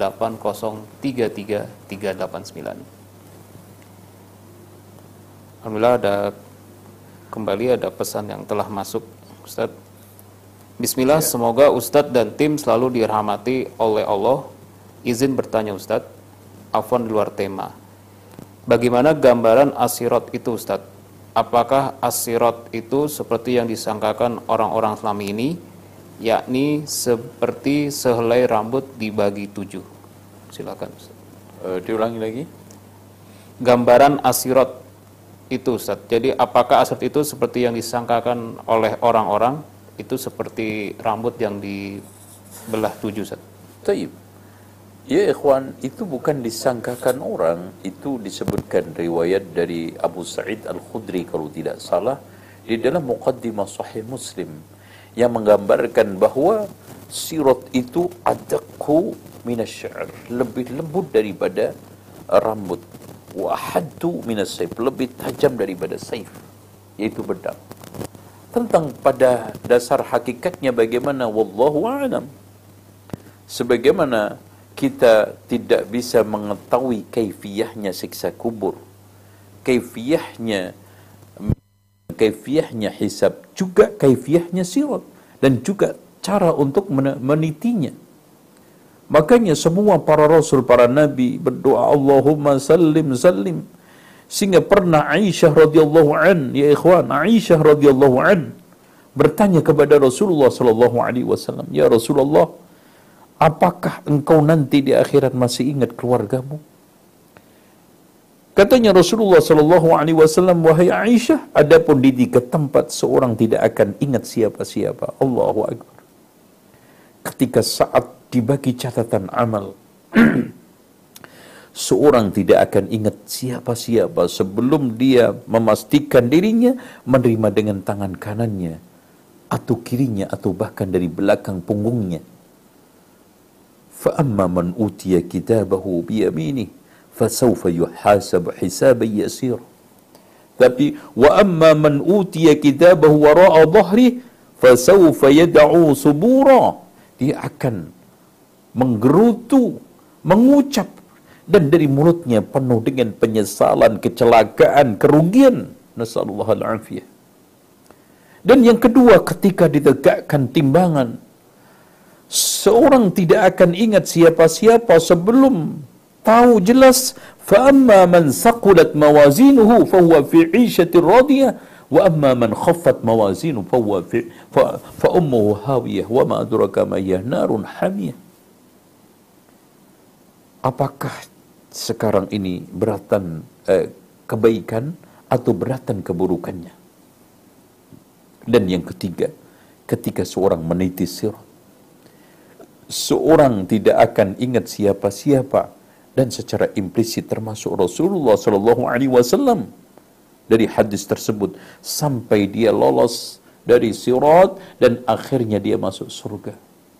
Wallahu a'lam bishawab. Syukran jazakumullah khairan wa barakallahu fikum atas jawabannya Ustaz. Kembali sekali lagi kepada para pemirsa bisa berinteraktif untuk soal jawab atau melalui pesan singkat di nomor 0811 8033 389. Untuk selanjutnya Ustadz ada pertanyaan kembali. Ya. Assalamualaikum Ustadz, saya mau bertanya apakah wanita haid boleh membaca zikir pagi dan petang? Silakan Ustadz. Perlu diketahui bahwa secara umum wanita itu ketika haid dibolehkan dik, membaca zikir. Dan Al-Quran termasuk adalah zikir, termasuk zikir pagi dan sore. Dan di dalam zikir pagi sore itu juga ada bacaan Al-Quran. Sehingga seorang wanita yang sedang haid boleh membaca Al-Quran. Bukankah kita masih ingat ketika Ramadan? Aisyah ketika menanyakan kepada Rasulullah SAW bagaimana ya Rasulullah? Seandainya aku menemukan Lailatul Qadar faquli ucapkan Allahumma innaka afuwun tuhibbul affa fa'anni Ketika itu Rasulullah tidak memberikan satu catatan kecuali kamu dalam keadaan haid atau nifas ya Aisyah tolong sampaikan juga kepada wanita-wanita lain. Kecuali dalam keadaan haid nifas tidak ada. Kecuali dalam keadaan junub tidak ada. Bahkan Rasulullah SAW menyampaikan secara mutlak faquli Allahumma innaka afuwan tuhibbul affa fa'anni dalil orang junub haid juga nifas boleh membaca Al-Quran. Yang kedua secara implisit Rasulullah Shallallahu Alaihi Wasallam itu disebutkan di dalam hadis ketika junub mandi kadang sebelum tidur, tapi mandi kadang setelah tidur. Kalau mandi sebelum uh, setelah tidur berarti Rasulullah Shallallahu Alaihi Wasallam tidur dalam keadaan junub. Baru nanti setelah bangun dia mandi. Berarti di sini Rasulullah Shallallahu Alaihi Wasallam berpotensi membaca zikir-zikir sebelum tidur dan itu termasuk ada bacaan ayat kursi dan dua ayat terakhir dari surat Al-Baqarah dalam keadaan junub dibaca oleh Rasulullah. Dengan demikian, dari peristiwa hadis ini kita bisa ambil kesimpulan seorang ketika dalam keadaan junub atau haid nifas dibolehkan membaca zikir dan termasuk zikir adalah Al-Quran. Wallahu a'lam. Syukran jazakumullah khairan barakallahu fiikum atas jawabannya Ustaz. Kembali kepada para pemirsa, untuk selanjutnya bisa interaktif langsung atau melalui pesan singkat di nomor 0811 8033 389. Kembali sudah ada yang masuk Ustadz. Ustadz, bagaimana cara menghadapi orang yang lagi marah-marah? Silahkan Ustadz. Marah dan nafsu itu bawaan hidup manusia dan termasuk perangkat lunak yang diberikan oleh Allah pada diri manusia, software. Bukan hardware. Kalau hardware ini ya tangan kaki kita. Karena kuatul ghadabiyah, kekuatan marah itu untuk menangkal sesuatu yang buruk. Karena orang kalau nggak bisa marah, terima-terima aja dimaki orang, dihina orang, direndahi orang. Karena dengan dia bisa marah, maka keburukan penghinaan dia itu tangkal dengan dia bisa marah, maka keburukan, penghinaan, perendahan dan juga kezoliman dia itu bisa lawan. Dan juga kuat syahwat. Bisa memberikan pemicu keinginan-keinginan yang sifatnya kenikmatan. Kalau kita tidak ada syahwat maka tidak akan menikah. Kalau kita tidak ada nafsu, kita tidak akan makan minum dan tidak bergairah untuk beli pakaian yang cukup bagus. Sementara hal itu dibolehkan. Dan bahkan ketika Rasulullah ditanya, ya Rasulullah ada orang yang pingin sandarnya bagus, pakainya bagus. Apakah itu termasuk sombong? Enggak. Al-kibru batarul haq wa nas. Sombong itu merendahkan orang, meremehkan orang. Dan menolak kebenaran. Ya. Oleh karena itu, kita harus tegaskan bahwa di dalam hal-hal yang seperti ini, asalkan itu masih wajar. Marah itu baru dilarang, syahwat itu baru berbahaya ketika berlebihan, overdosis. Jadi kalau kita umpamakan sebetulnya marah sama syahwat itu seperti narko seperti uh, apa ya heroin. Ketika sekarang diatur secara hukum dilindungi, diprotek oleh medis, kedokteran, kemudian diberikan kepada orang yang berhak dan tepat pada sasarannya dan dosisnya, maka morfin tersebut itu bermanfaat buat tubuh manusia. Tapi kalau sekarang ini kita konsumsi secara berlebihan, tidak pakai resep dokter, keluar dari aturan main, tidak mengikuti hukum-hukum yang ada, maka menjadi narkoba dan berbahaya. Dengan demikian, kita juga bisa umpamakan. Sebetulnya lebih simpelnya, lebih enaknya daripada contoh tadi krusial. Marah syahwat itu seperti garam, udah deh. Kurang juga bikin hambar, lebih juga bikin pengar, gitu loh. Makanya marah itu ketika tepat pada orangnya, terus kemudian sesuai dengan sasarannya, lalu cocok dengan etika serta tata laksananya. Kemudian pas pada waktunya dan sesuai dengan takarannya, maka marah itu menjadi positif. Namun secara umum manusia itu tidak bisa mengendalikan marah dan syahwat. Makanya di sinilah sehingga ketika Allah dan Rasulnya menjelaskan tentang sifat-sifat itu selalu arahnya negatif. Ya. Kalau tidak, Allah juga marah. Itu kan gitu. Rasulullah juga marah. Marah kepada Aisyah. Ketika mengatakan si Yahudi pendek itu. Allah juga memarahi orang-orang Yahudi. Bahkan maghdubi alaihim. Tetapi takarannya, ya apalagi marahnya Allah, marahnya Rasulullah, pasti di situ mengandung berbagai macam kebaikan, keutamaan, dan juga kesakralan Nah, oleh, karena itu ketika kita sekarang ini marah yang berlebihan, satu yang harus kita lakukan adalah duduk. Kalau duduk masih marah, maka kita tidur. Kalau tidur masih marah, itu keterlaluan. Kalau orang e, marah dalam keadaan tidur. Kemudian yang kedua, kita wudhu. Karena uh, marah itu bara api dan bisa dihilangkan dengan air. Kemudian yang ketiga, ketika kita marah, bayangkan muka kita itu kayak apa? Apakah sekarang ini kayak mukanya Nabi Yusuf atau lebih buruk daripada mukanya anjing? Kemudian yang ketiga, marah itu empat, efeknya pasti negatif.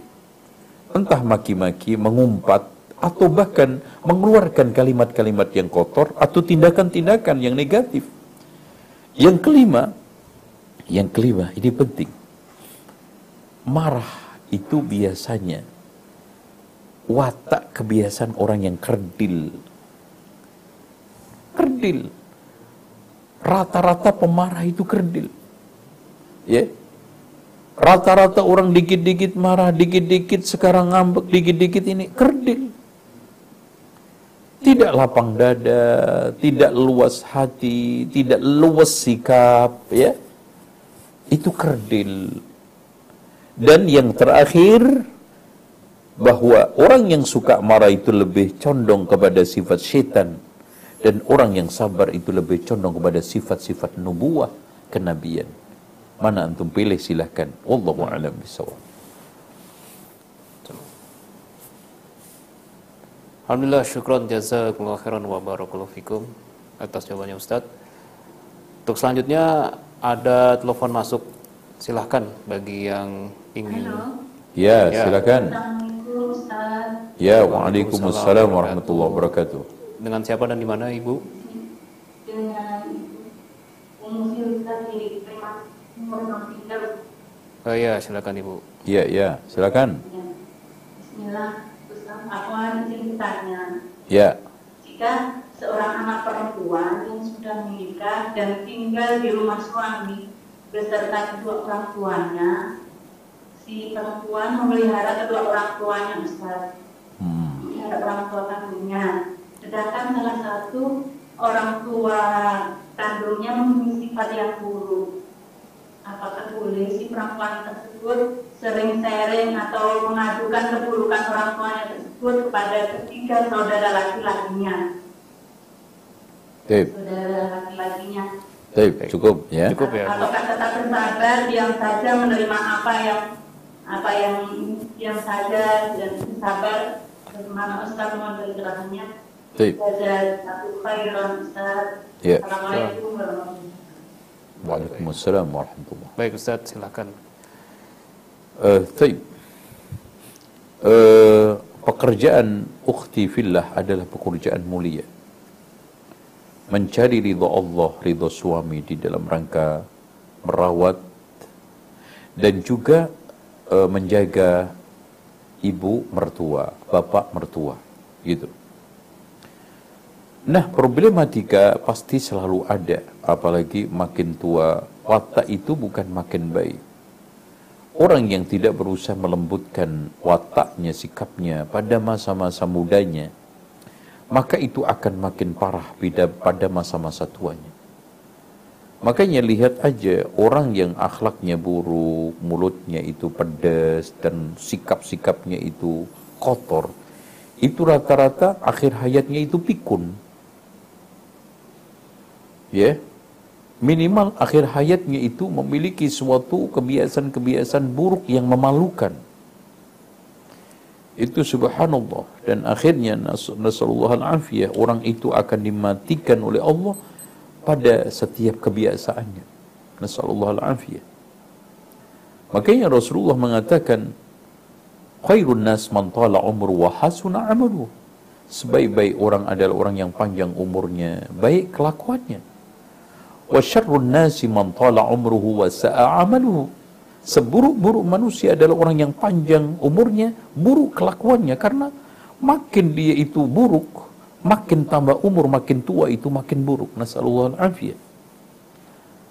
Makanya betul kata Ibnu eh, Ibnu eh, Abu Hamid Al-Ghazali, siapa yang melompati umur 40, kebaikannya tidak bisa mengungguli keburukannya, maka dia telah menyiapkan diri menuju ke pintu neraka. Ya. Itu dituturkan di dalam kitab Risalah Ayyuhal Walad. Nah, soal masalah curhat tadi, ibu harusnya bercurhat kepada suami dulu. Ya, sharing sama suami dulu. Karena dia akan bakal tersinggung. Pertama, ketersinggungan itu satu kenapa saya ini kok nggak diajak ngomong. Nah, nggak diajak ngomong ini nanti persepsi suami itu bisa, wah saya sudah nggak dipentingkan, saya kayaknya sudah tidak diinginkan, saya juga kayaknya sudah dianggap remeh oleh istri saya. Karena kalau suami itu sebagai tempat yang layak untuk mengadu, ya, kemudian di, dimuliakan, maka dia akan curhat dulu kepada suaminya.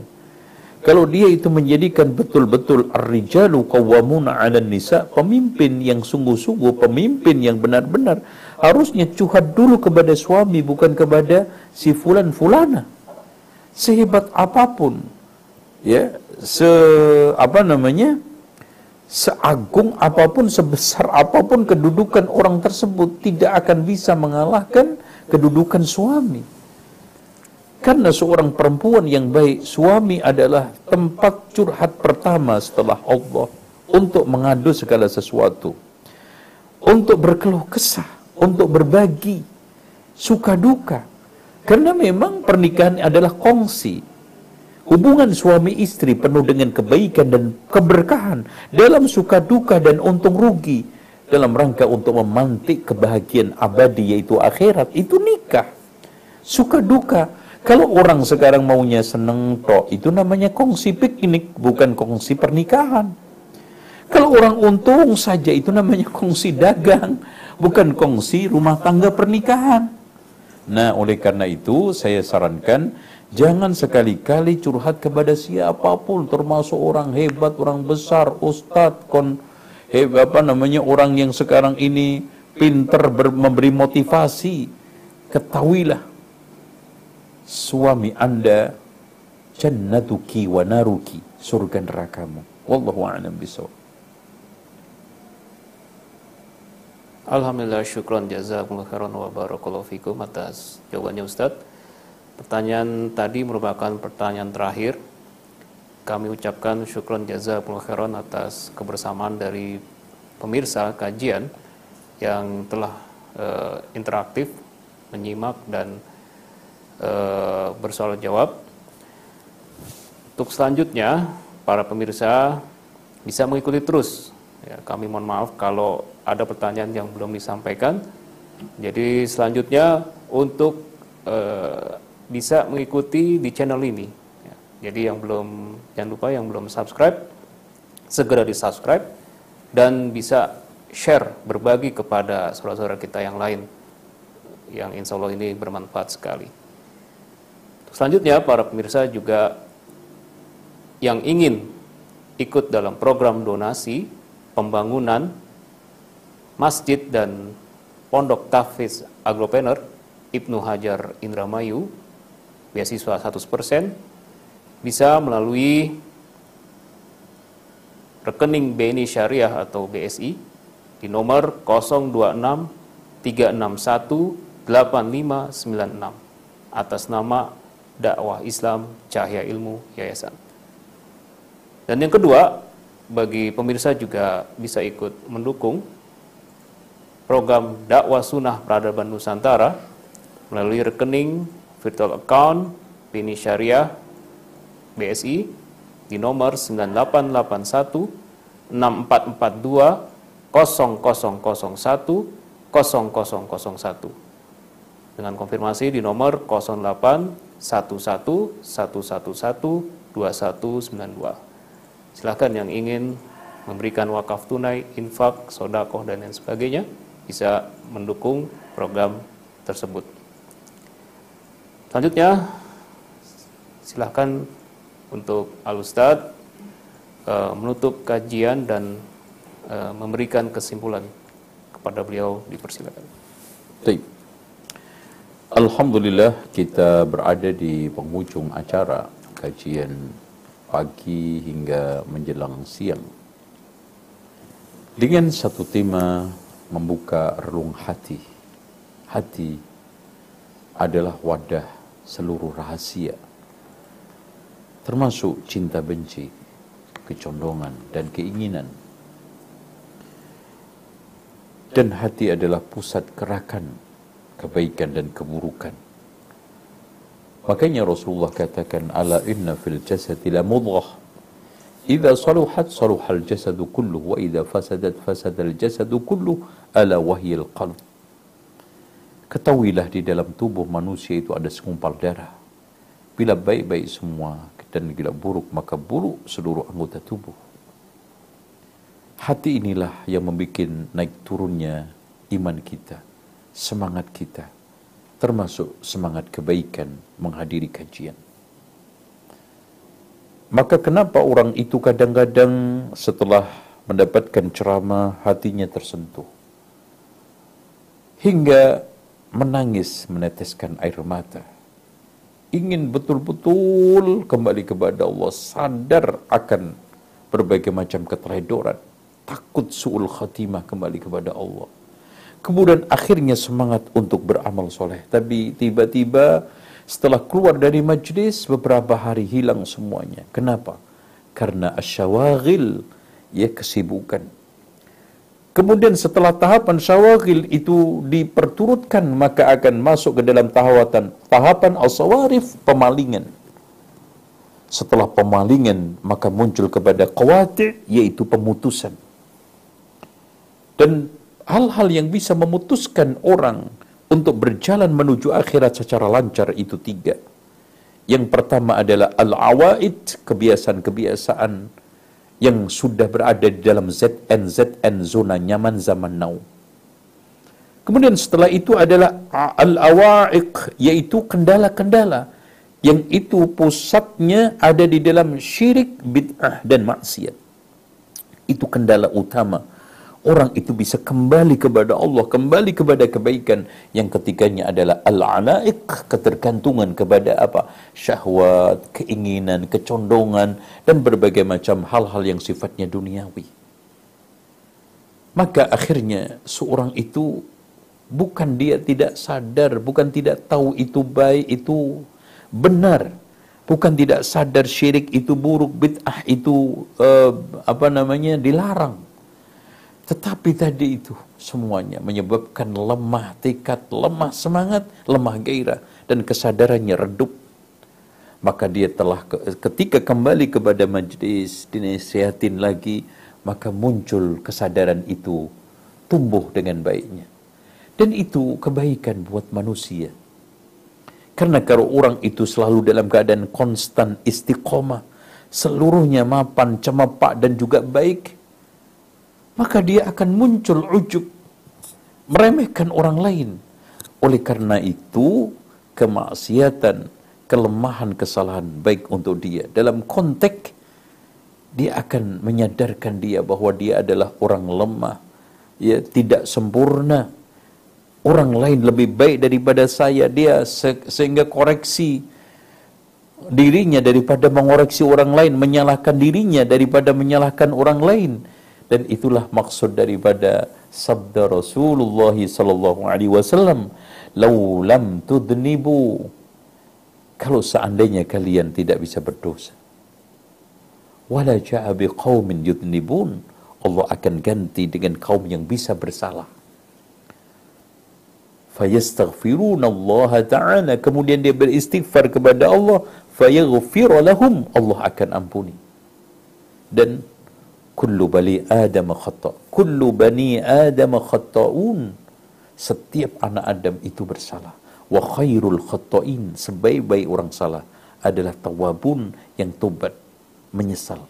Wallahu a'lam bisawab demikian kita akhiri dengan doa kafaratul majlis. Subhanaka allahumma wa bihamdika asyhadu an la ilaha illa anta astaghfiruka wa atubu ilaik. Wa sallallahu ala muhammadin wa ala ali muhammad walhamdulillahi rabbil alamin wassalamualaikum warahmatullahi wabarakatuh